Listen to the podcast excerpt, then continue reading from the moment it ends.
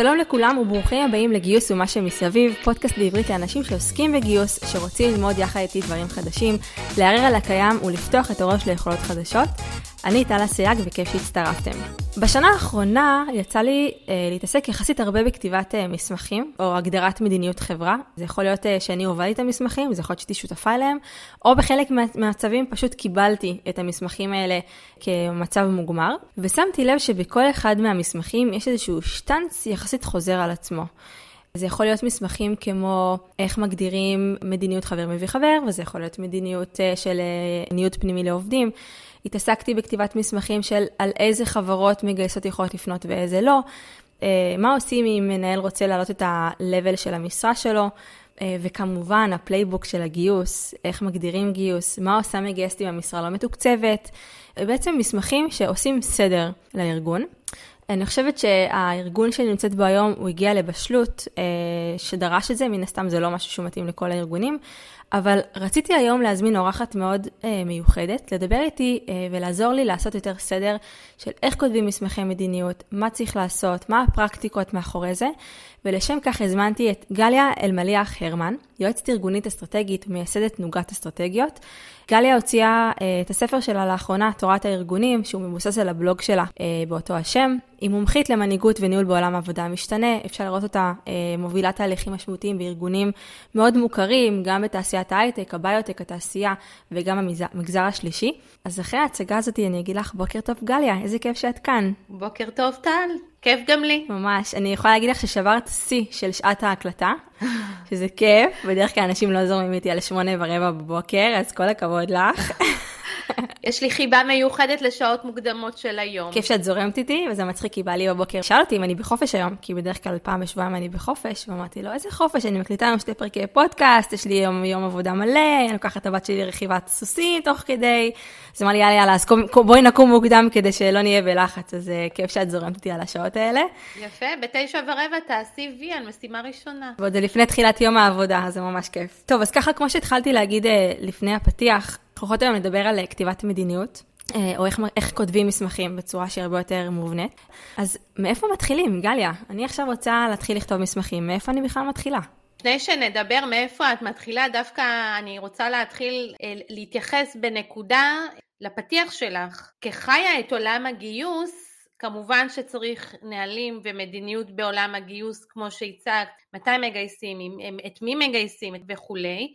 מצד שני, כאחראית על גיוס, את גם צריכה אה, לשדר את מדיניות החברה בכל מיני נושאים. זאת אומרת, אם אני מועמד ואני שואלת מה המדיניות של אה, אה עבודה מהבית, זה לא נטו גיוס, אבל צריכה, החברה צריכה מדיניות כדי שכמגייסת יהיה לך את התשובות. מהבחינה הזו, המדיניות היא משהו שהיא היא ממש שיטת עבודה של הארגון. ודאי, אין ספק שבסוף כתיבת המסמכים רחבה, והיא נוגעת בהמון אספקטים והמון מחלקות בארגון. אני מן הסתם מביאה את הצד שלי בעולם הגיוס, שזה מה שאני מכירה, אבל אין ספק שיש המון חפיפות. נגיד, כן. כל, כל המסמכים שעוסקים בגיוון תעסוקתי, או איך אנחנו מקדמים אה, גיוון והחלטה. הכללה, או איך מנהלים ניוד פנימי, אין ספק שזה לא יכול להיות מנותק ממחלקת ה business partner או מחלקות אחרות, אז אני מסכימה איתך לחלוטין. אני חושבת שיש משהו בישראליות שלנו, שאנחנו חוששים מהמסמכים, כי יש בהם משהו שהוא נורא אה, מתכתב עם corporate, אה, עם הסגנון האמריקאי. מסמכי מדיניות או נהלים, או איך שלא נקרא לזה,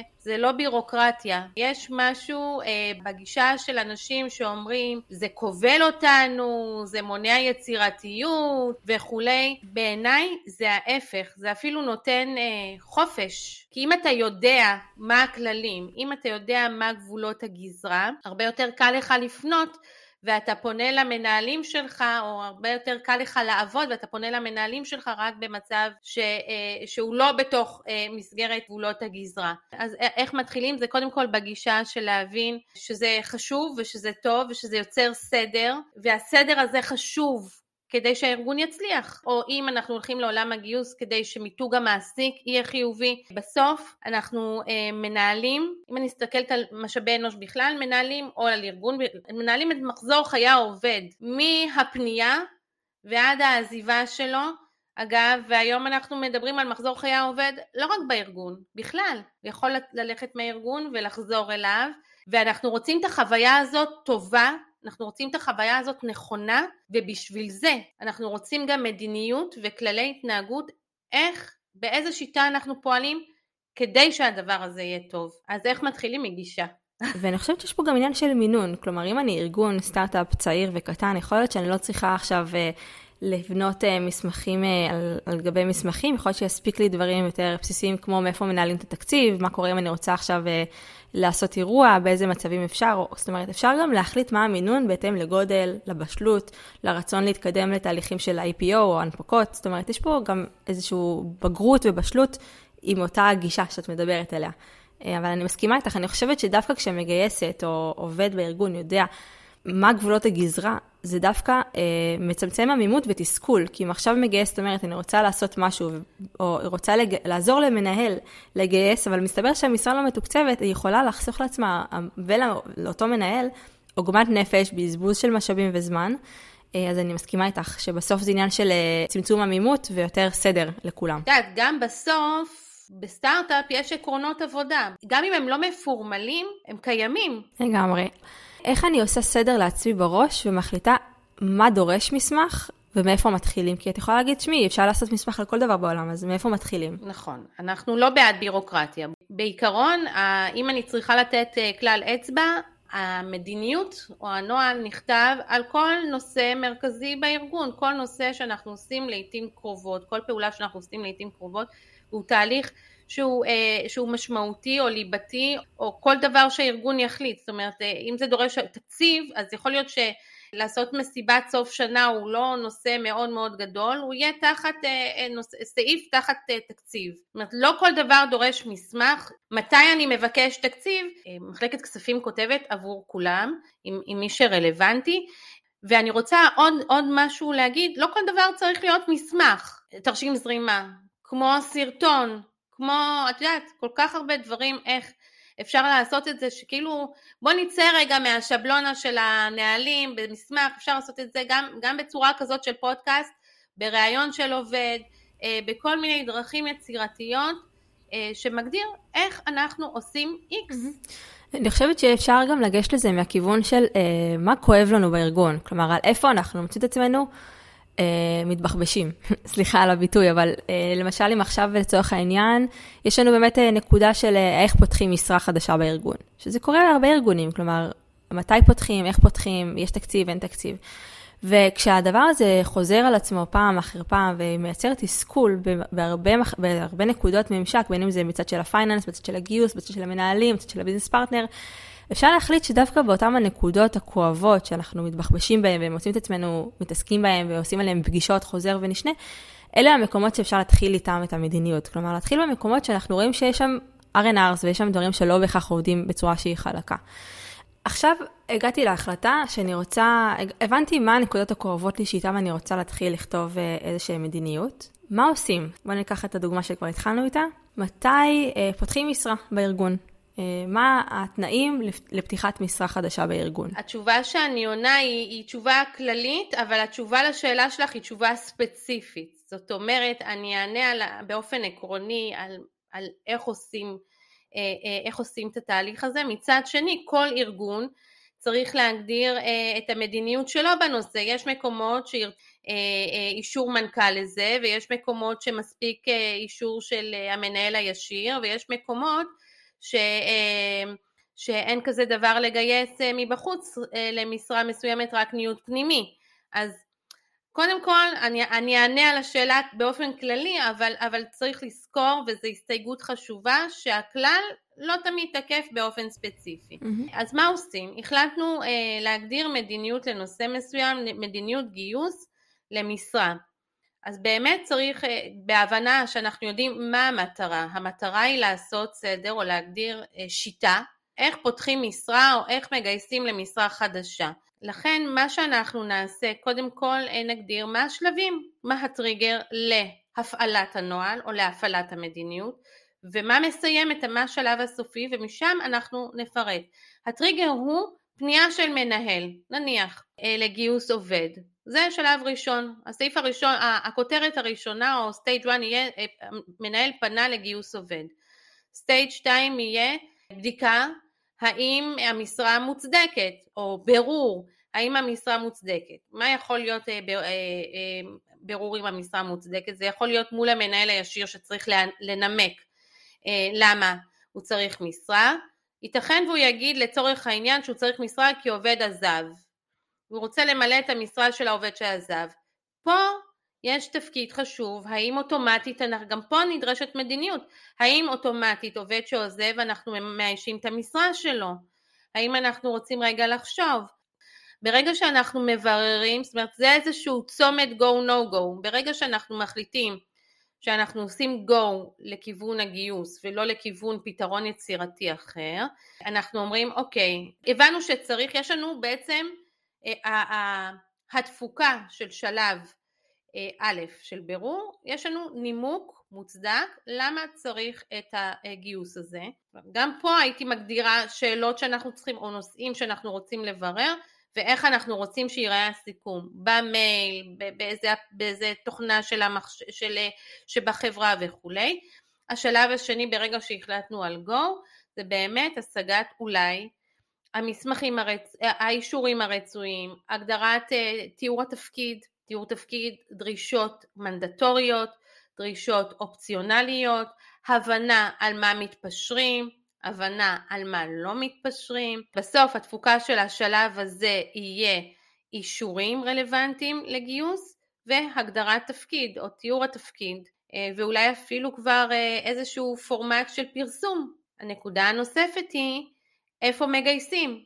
משרה מסוג X, משרה מסוג Y, את יודעת, הפרמטרים לא רק היבשים, אם אנחנו הולכים על גיוון והכללה, השלב השלישי זה באמת הביצוע בפועל, זאת אומרת יש פה המון המון פרמטרים בעצם לפרט כל שלב בתהליך הזה ובכל שלב מה אנחנו רוצים ומה התפוקה, מה עושים ומה התפוקה הרצויה.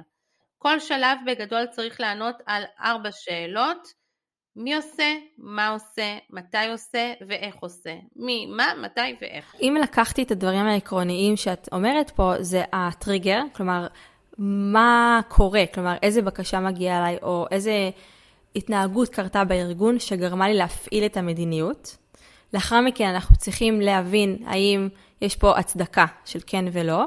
אחר כך אני מבינה שיש פה הצטלבות, כלומר, אם זה לא, אז אנחנו נותנים את התשובה על סמך הרציונלית למה לא, ואם זה כן, אנחנו מתחילות את, ממשיכות בעצם את התהליך של אם כן, אז מה הרציונל, מה עושים, איך עושים, ואז גם את היישום בפועל, כלומר, איך, איך הדבר הזה הולך להתממש.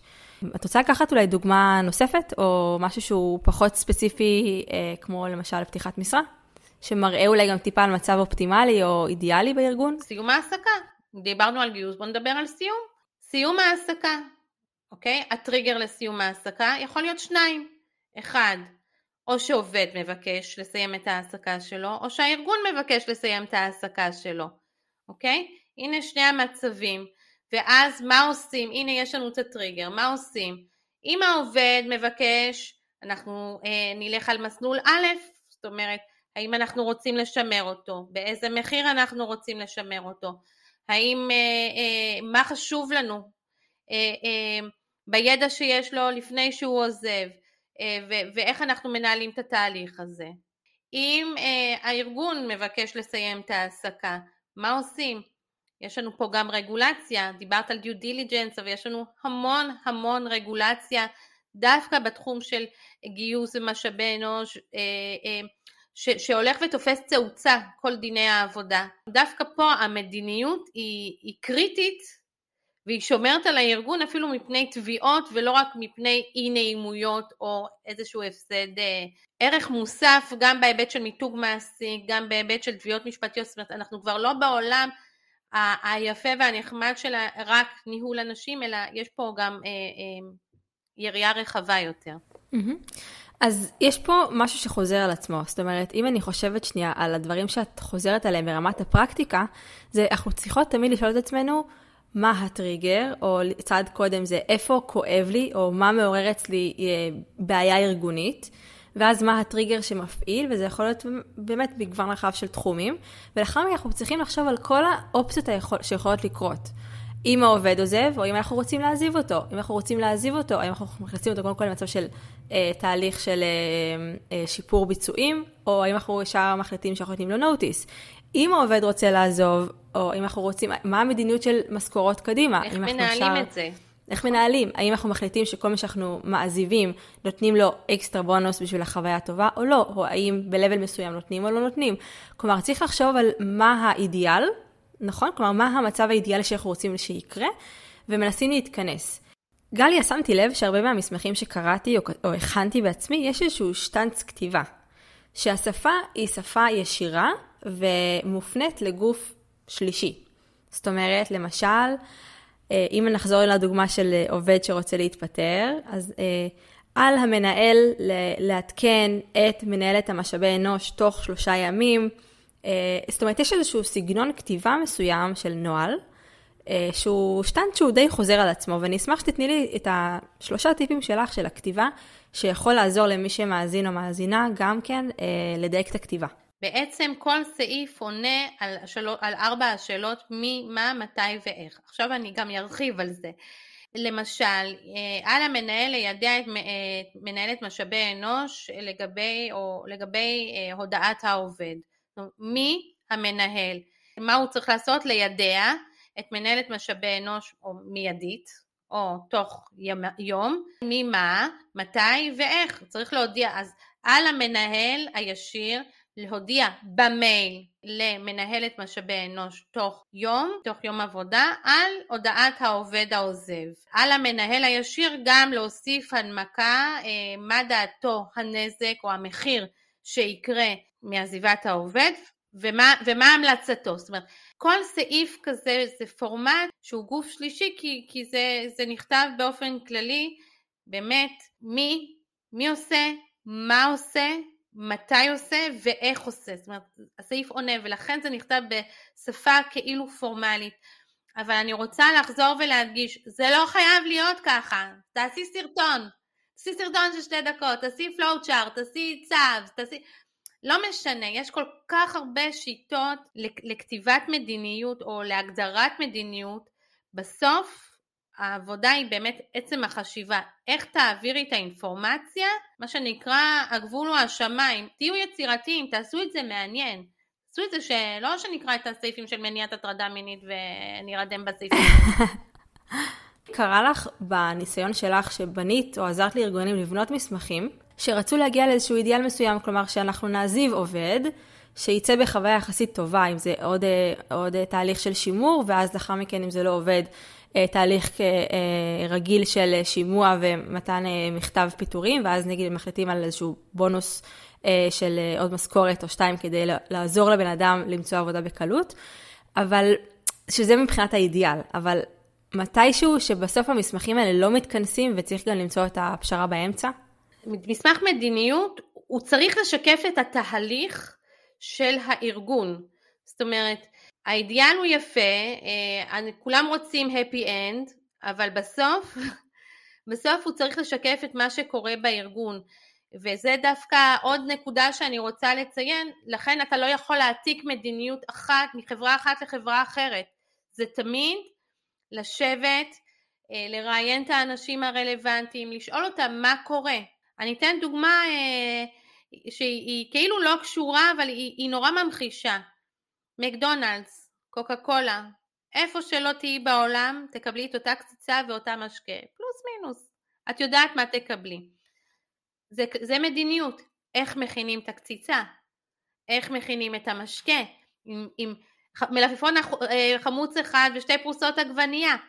המדיניות עוזרת לשמור על הסטנדרט. יש איזשהו, גליה, אה, אה, כללי אצבע, שאני ניגשת לכתיבת מסמך, שבו אני יודעת אה, להחליט מי אמור להיות מעורב בכתיבת מסמך? כן, אז, אז קודם כל, אה, כשאת אה, כותבת אה, מסמך, אה, יש מבנה, יש פורמט אה, אה, מוגדר, שכדאי להגדיר את, הפורמט, את המדיניות של המדיניות. Hmm? מה הפורמט שהייתי רוצה שיהיה מוגדר? יש כאלה שעושים תרשימי זרימה, יש כאלה שכותבים נוהל.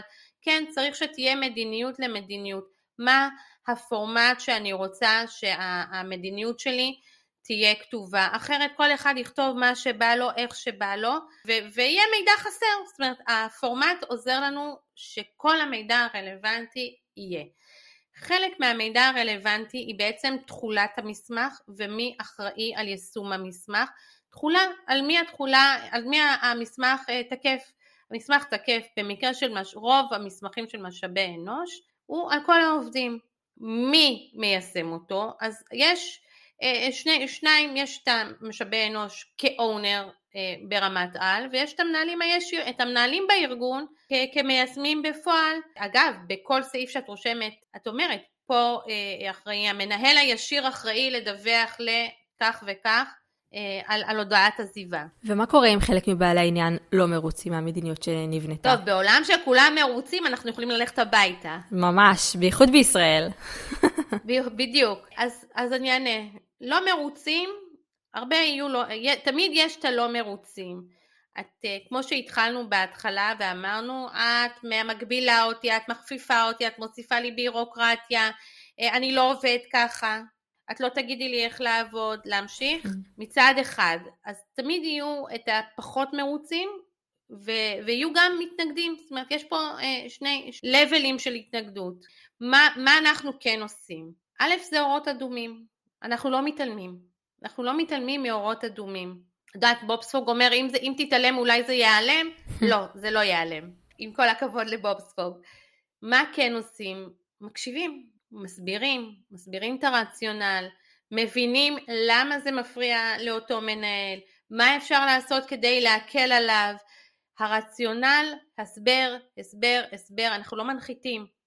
ובדרך כלל מי שאנחנו, לפני שאנחנו מגיעים לכתיבת הנוהל, אולי נכון לנתח מי יהיו so called המתנגדים ולשתף אותם בתהליך. כן, הרי בסוף הם יצטרכו ליישם את המדיניות הזו. ולכן חשוב לשמוע את הקולות האלה ולהתאים את זה, עוד פעם, זה בסוף צריך להיות מותאם לתרבות של הארגון. אני חושבת נגיד על מצב שרוצים להגדיר מדיניות עבודה מהבית. חובה, חובה, חובה.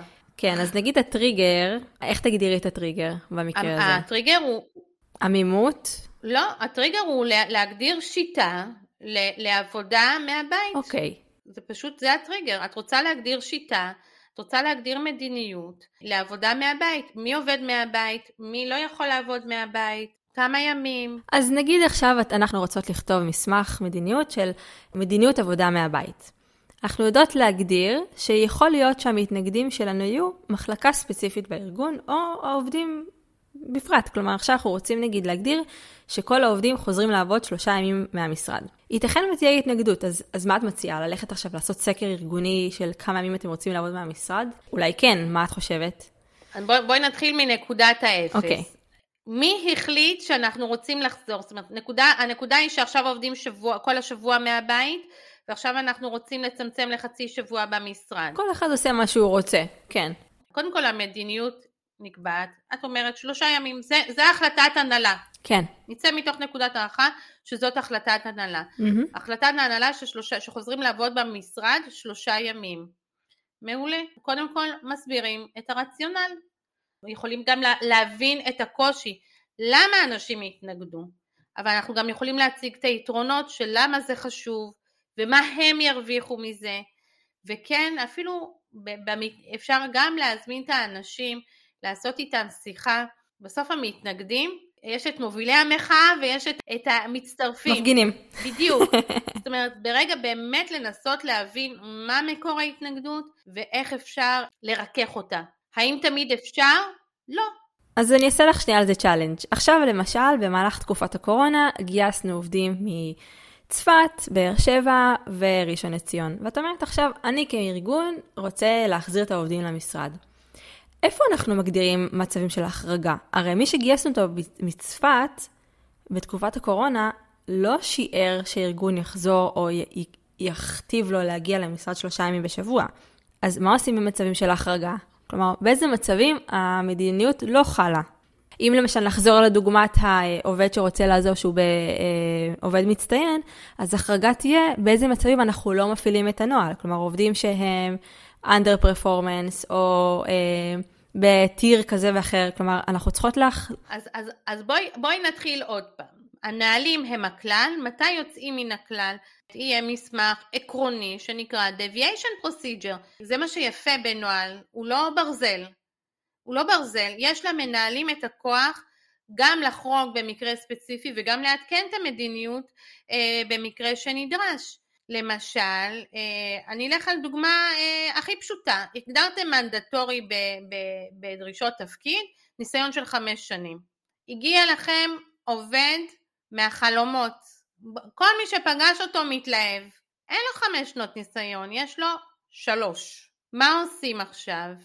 דוויישן למשל אומר, אה, אומר שצריך אישור ברמת סמנכ"ל ולנמק ולראות, לנמק למה נכון לחרוג וגם איך ממלאים את הפער אל מול הדרישה המנדטורית, הרי לא סתם הגדרתם X כדרישה מנדטורית. deviation procedure הוא משהו שהוא הוא, הוא, הוא, הוא טוב שיהיה. אם אני מבינה אותך נכון, בכל מסמך גם צריך להיות נקודות ממשק שבהם אנחנו מחריגות את אותו הנהלים. מה עושים כדי להחריג? המדיניות חלה, זה הכלל. המדיניות חלה, לא נוסעים באור אדום. המד... אוקיי? זאת המדיניות. אה, אמבולנס כן נוסע באור אדום. מה הכלל כשיש צורך לחרוג מהמדיניות, ואיך מנהלים אותו, אוקיי. את החריגה הזאת. בואי נעבור שלב אחד קדימה, ואז אולי קצת ננסה לעטוף ולסכם. החלטתי על מדיניות, אולי נמשיך טיפה על מדיניות uh, של עובד שרוצה לעזוב. Mm-hmm. נחזור שנייה לדוגמה, זו דוגמה טובה.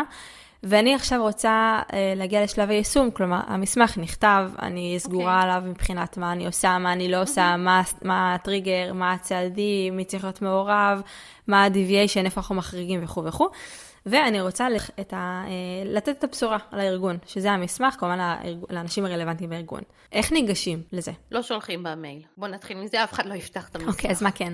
לפני שאני אומרת מה כן, אני אומרת, זה החלק הכי קשה. כן, כי הוא דורש שינוי התנהגות, כן. כן, שינוי הרגלים, שינוי התנהגות.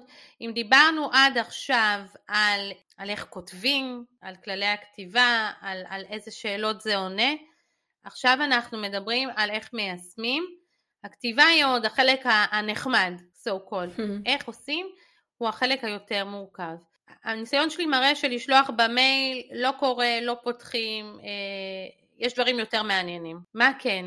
כמה דרכים. כן להודיע שיש נוהל חדש, כן לאפשר לקרוא אותו מצד אחד. מצד שני, כן מי שרלוונטי, אני הייתי עושה ממש פגישה, מי שרלוונטי, לבוא, להסביר, לשאול שאלות, אה, להעיר אגב, עוד, עוד לפני שאני מפרסמת, לפני הפבליקיישן, לשלוח, לראות אם יש הערות, אנשים שאכפת להם ו- ושזה נוגע אליהם, יכתבו הערות, הם, הם יהיו שותפים. כמובן אה, נורא חשוב להגיד שאת כל ההערות אתם תשקלו, לא כולם ייושמו, אנשים לא אוהבים להשקיע מהקישקש שלהם, להעיר ובאכפתיות, ובסוף לראות שלא התייחסו, כן לשקול, לא רק אומרים, גם באמת, כל הערה וגם כן הייתי עושה את זה בפורום של בעלי העניין העיקריים, להסביר מה, מה זה אומר ואיך זה הולך לעבוד ולהסביר את הרציונל, בעיקר את הרציונל, לעשות את השכל אה, שיגבור על הרגש האוטומטי שלנו של להתנגד אה, אה, לשינוי. לשינוי. אז יש פה משהו שאתה מעניין שאת אומרת. את אומרת, לפני שאנחנו יוצאים ליישום, אנחנו עושים שלב מקדים, שהוא קצת כמו pre-publication, שבו אנחנו אומרים לכל בעלי העניין, בואו, תכירו, אנחנו רוצים לבצע שינוי, נשמח לקבל מכם הערות אה, או מחשבות. אה, ואז בעצם את אומרת, מרמת המחוברות והרצון אה, לקחת חלק או לצמצם התנגדות אמורה להיות הרבה יותר קטנה. האם זה באמת עובד ככה? האם זה באמת מצליח בצורה הזאת? לא. לעשות pre-publication ולקבל הערות הוא שלב חשוב. מי שאכפת לו וחשוב לו, יגיב. מי שמתנגד, בדרך כלל אה, יהיה זה שפחות מגיב. לא כל נושא הוא בעל אותו משקל, ולכן אה, נושא של אה, העלאות שכר הוא יהיה נושא הרבה יותר רגיש מנושא של עזיבת עובד, אוקיי? כי השכר נוגע לי לכיש, כן, הוא נוגע לכיש שלי אישית. אני חותמת על משהו שישפיע על חשבון הבנק שלי, שישפיע עליי. לעומת זה, אם עובד עוזב, עובד לא עוזב, בסדר, זה חלק מהעבודה. Mm-hmm. ולכן כשהייתי גם מבחינה את התהליך ובאמת להבין, יכול להיות שאת תגידי, הנוהל יגיד שבסוף כל ראיון המנהל צריך להוציא סיכום ראיון. מנהל יגיד, עזבי אותי באמא שלך, את לא רואה כמה אני עמוס? מה עכשיו סיכום ראיון? דיברתי איתו, הוא לא מתאים, הלאה. ו- ובעצם, מה אנחנו נעשה במקרה כזה? במקרה כזה אנחנו נציע פורמט. פורמט מקוצר, לא פורמט אה, בירוקרטי שמלאה, פורמט שבאמת נדע להפיק ממנו תועלת, למה העובד הזה לא, לא, לא קיבלנו אותו, או למה הוא לא מתאים בעיני המנהל הזה, כי יכול להיות שלמשרה אחרת הוא מתאים, ויכול להיות שאנחנו לא נרצה לגייס אותו אף פעם. Mm-hmm. או, או שנחליט שזה המצב, אתה רוצה לגייס, אתה צריך להתכנס לנהלים שלנו, של איך אנחנו מנהלים תיעוד ארגוני. אתה לא רוצה, על הכיפאק, לא נפתח לך את הגיוס. זאת אומרת, יש פה גם מצבים שבהם אנחנו לא יכולות להיות יותר מדי סלחניות, אלא יותר מדי מתגמשות. אנחנו לא סלחניות, אבל אנחנו רוצים לעזור לו, לא, לא, אנחנו רוצים לעזור למנהל, כן להצליח לעמוד במדיניות שהגדרנו. בסוף מדיניות אנחנו לא כותבים אותה בשביל עיניים טוב, יפות של אף אחד. אנחנו כותבים אותה כדי שהארגון שלנו יצליח. Mm-hmm. אנחנו כותבים אותה בשביל, אה, והצלחה נכון. היא בהמון מובנים, אנחנו, אני, זה ממש גולש למיתוג מעסיק, לחוויית עובד, לכסף, לגייס את הבן אדם הנכון, למשרה הנכונה, שיישאר איתנו לטווח ארוך. יש פה עולם מלא של איך עושים נכון, וזה מה שאנחנו עושים, מגדירים איך אנחנו רוצים להתנהל נכון. אני חושבת שיש גם, יש איזשהו, כשבונים מסמכים או כותבים מסמכים והולכים שנייה להסתכל, עושים בדק בית, מה קורה בארגון שלנו, מה קורה בארגונים אחרים, עושים בנצ'מארק, וכשמגיעים לאותם המתנגדים, אומרים, תקשיבו, אנחנו לא המצאנו את הגלגל. ככה עובדים בארגונים XYZ, עשינו מחקר, עשינו בדיקה, כלומר יש איזשהו משהו שהוא יותר רותם, כאשר אנחנו לא מנחיתים, אלא גם משתפים מה הרציונל ומה נעשה שלב מקדים לכתיבת המסמכים כדי לייצר הצלחה ארגונית. לא עובד ב-100%, אבל זה כן תורם. ואני חושבת שיש פה גם איזשהו עניין ש, שסיפרת לי uh, לפני כן, זה קצת הגדרה של יעדים, uh, יעדים ומטרות. אז איך אנחנו יכולות להגדיר יעדים ליישום בצורה שתהיה מוצלחת? טוב שהעלית את זה, כי זה סופר חשוב. יישום לא קורה ביום אחד, זה לא מג'יק. יכול להיות שיישום ייקח גם שנתיים. יישום והטמעה עד שהנוהל הוא אינטגרלי במארג הארגוני ובתהליכים והוא מה שנקרא אוטומטי, אנחנו יכולים להגדיר אה, יישום שייקח גם שנתיים, זה משהו שחשוב לי להגיד, יישום הוא החלק הכי קשה בתהליך הזה, כי יופי שהגדרת מסמך מהמם ללק, ללקק את האצבעות, אבל אנחנו רוצים שהוא לא יהיה על המדף או בתיקייה, אנחנו רוצים שהוא יקרה. ואת יכולה ללכת להרבה ארגונים ולראות כמה קורה וכמה לא קורה. זה, אנחנו לא שוטר, אנחנו לא רוצים עשית, לא עשית, לא כתבת, לא כתבת. אפשר לעשות את זה מדורג, אפשר להחליט שעושים פיילוט, אפשר להחליט שעושים את זה רק בקבוצה ספציפית, אפשר להחליט שעושים שלושה גיוסים כאלה או חמישה גיוסים כאלה ואז מתכנסים להפקת לקחים וחושבים על איך נכון להטמיע, זאת אומרת זה לא חייב להיות כאן עכשיו ומיד אלא באמת, עכשיו יכול להיות משהו שהוא באמת כאן עכשיו ומיד, אני, אני כל הזמן נזהרת בלתת כלל, הכלל הוא לבחון כל דבר לגופו ועדיין יש דברים שיהיו בהטמעה גורפת, הטרדה מינית. אנחנו נפיץ את זה לכולם, אה, מניעת הטרדה מינית, לא הטרדה מינית, אלא מניעת הטרדה מינית, זה, זה החוק ואנחנו נפיץ את זה לכולם כך. מצד שני, אה, אה, אולי נוהל אחר, יכול להיות למשל נוהל אה, משוב. נוהל משוב, אני אעשה הדרכה, אני אעשה כמה הדרכות, איך עושים משוב ומהו אומץ ניהולי ומה, ומה המטרה וכולי. שהמדיניות תהיה הרבה יותר אה, אה, חיובית, או הגישה תהיה הרבה יותר חיובית, וההטמעה תהיה מה שנקרא בשלבים, שלב ראשון whatever, שלב שני נוסיף עוד אה, אנשים או עוד שלבים. יש פה כמה דברים, כמה דרכים להסתכל על זה. Mm-hmm. מסכימה איתך. זאת אומרת, צריך לקחת בחשבון ולהיות ריאליים, שגם אם אני כותבת מסמך, לא ביום אחד נראה אה, הצלחה של 100%. אנחנו נעשה פה תהליך. של רתימה, של שיחות, של הכרה, של... אה, זאת אומרת, יש פה תהליך שצריך לקחת אותו בחשבון, ואם אה, נכנסים לתהליך הזה בעיניים פקוחות שהדבר הזה יכול לקחת זמן ותהיה התנגדות ואנשים ייקח להם זמן לשנות הרגלים, אז הרבה יותר קל, אה, ופחות, יותר יעודד אותנו להמשיך לעשות. נכון, לנהל את זה כמו פרויקט, ממש ככה, לנהל את זה כמו פרויקט. אני, אני יכולה לתת לך ממש דוגמה שאני חוויתי, שבה בעצם מדיניות הארגון הייתה, שמי שנותן את ההצעות שכר זה המגייסת. תקופה לפני כן, מי שהיה נותן את הצעות השכר היה המנהלים המגייסים. הסברנו את הרציונל כמובן, אה, והיה התנגדות. היה מנהלים שממש התנגדו, וכאלה שקיבלו את זה בהבנה. ומנהלים שהתנגדו, היה פה תהליך, תהליך שבהתחלה הם עושים את ההצעה ומגייסת מקשיבה. אחר כך המגייסת מקש... אה, מנהלת את התהליך, המנהל מצטרף. כלומר, יש גם, גם תהליך של בניית אמון אל מול המתנגדים. ורק אחרי כמעט 7-8 חודשים כאלו, הגענו למצב שהמנהלים שחררו ונתנו לנו להוביל את המדיניות החדשה. כלומר, יש גם בגישה של, באזורים שבהם זה סטריק, כמו מניעת הטרדה מינית, אנחנו לא זזים ימינה-שמאלה, ואם אנחנו בסוף רוצים רתימה, אנחנו גם צריכים לדעת ל- לרתום בצורה הדרגתית, וזה נראה לי נקודה שמאוד חשוב, כלומר, אנחנו לא שוטרים, כמו שאמרת, ואם אנחנו רוצים, הרי בסוף המטרה שלנו זה שיהיה איתנו שיתוף פעולה, כי אנחנו רוצים להצליח, אנחנו לא רוצים, זאת אומרת, יש פה תהליך שבו אנחנו רוצים רתימה, ורתימה היא לוקחת זמן. אבל את אומרת נורא יפה, זיהינו שהבעיה אצל המנהלים האלה היא אמון, ולכן היה, ברגע שאת מזהה את בעיית השורש, או מה מציק להם, הם לא נגד זה של המגייס, הם נגד זה שהתהליך לא יהיה כמו שהם רוצים, עשיתם איזשהו תהליך הכשרה עד שנהיה איזשהו שלב של, של handover. ה handover לא היה אוטומטי. נכון. והדברים לא קורים אוטומטית, בדרך כלל. נכון, ממש, ממש ככה. אה, אני חושבת שדיברנו פה באמת על המון המון אה, פרקטיקות והרבה כלים של יישום, הכנת התשתית, מניעת התנגדות, אה, סגנון הכתיבה, מה אמור להכיל כל סעיף, מה זה deviation, איך עושים החרגות וכדומה.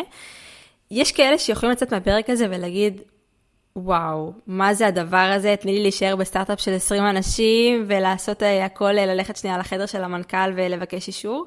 ויש כאלה שהרגישו בנוח עם המסמכים. ואני חושבת שבסוף כל אחד שמקשיב לפרק צריך לחשוב מה מתאים לארגון שלו, אה, ואיזה בשלות קיימת בארגון כדי להכיל מדיניות כזאת או אחרת. אני יכולה להגיד מהחוויה שלי שחוויתי את כל הקשת של סטארט-אפ קטן ועד ארגון שנמצא באיזשהו אה, תהליך של אה, רדינס ל-IPO, או הכנה לאודיטים כאלה ואחרים. ויש משהו שהוא מאוד נוח, שבסוף יש איזשהו... אה, מקום שבו אפשר לגשת להכל, בין אם זה סרטון או בין אם זה מסמך, אבל שבקליק אחד אני יכולה לפתוח מסמך ולראות לינקים לכל המסמכים, כלומר אני לא, לא הולכת לאיבוד. כי הרבה פעמים אנחנו לא זוכרים. לכל המידע שאת צריכה. כן, אנחנו לא זוכרים את כל המדיניות, אנחנו לא יודעים מה עושים בכל מצב כזה או אחר, או מתי אני עושה, אה, מתי אני ניגשת למדיניות פנימי, עם מי אני צריכה לידע, כלומר לא תמיד אנחנו זוכרים, הרי הדברים קורים כל הזמן. אנחנו עובדים עם עובדים ואנחנו עובדים עם אנשים שלא תמיד הם צפויים, כלומר קורים דברים כל הזמן ואנחנו לא יכולים לזכור הכל.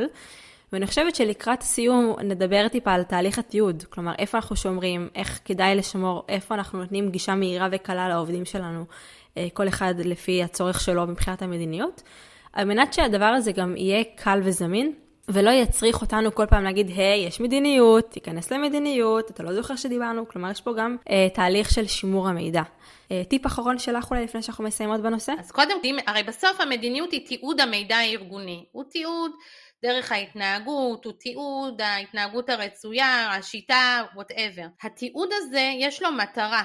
המטרה שלו הוא להיות זמין ונגיש מתי שנצטרך אותו. אחרת מה, אחרת הוא שוכב לי איפשהו. זה מזכיר לי איזשהו עובד שלי שחצי יום חיפש כבל. אני אומרת לו, למה אתה מחפש כבל? לא, אני הלוויתי, אני לא זוכר למי הלוויתי. קיצור, כזה. חצי יום לחפש מסמך, נוהל, זה לא עובד. חבל על הזמן. זה חייב להיות נגיש וזמין. איך עושים את זה נגיש וזמין? מדיניות, מדיניות של... מה רצית שאני אגיד?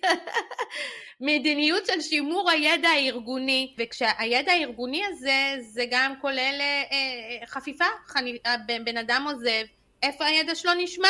איך שומרים את הידע? אה, באיזה מערכות? לכן פה זה באמת, ידע ארגוני הוא עולם שלם.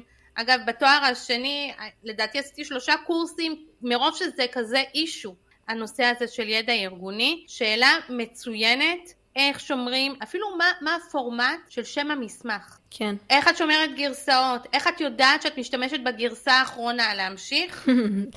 נראה לי שאין לזה סוף, אבל צריך להתחיל מאיפשהו, ולהתחיל זה בלחפש את הנקודות הכואבות לנו לארגון, דברים שיש בהם יותר עמימות, שאנחנו רוצות לצמצם עמימות. אה, לחשוב מה יתרום להצלחה ארגונית, ופשוט להתחיל, להתחיל ברתימה, לחפש את המתנגדים.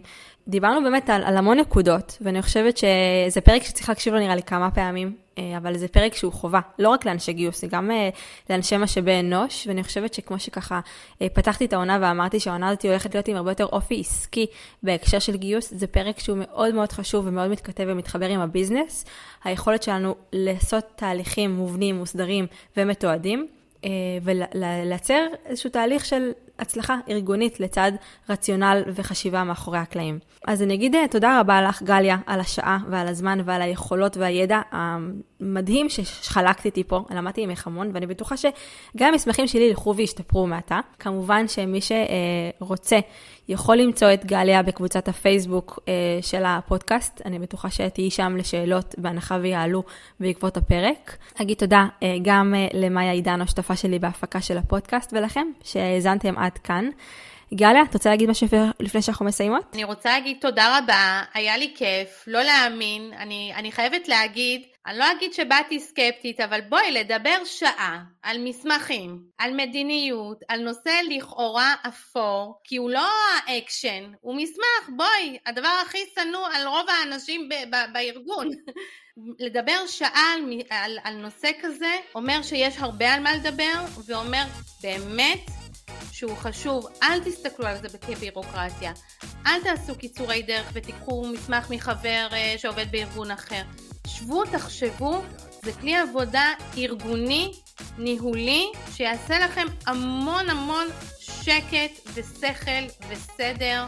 לגמרי. ולכו על זה חיובי, באמת. ותודה, תודה רבה. תודה לך, גליה. נתראה בפרק הבא.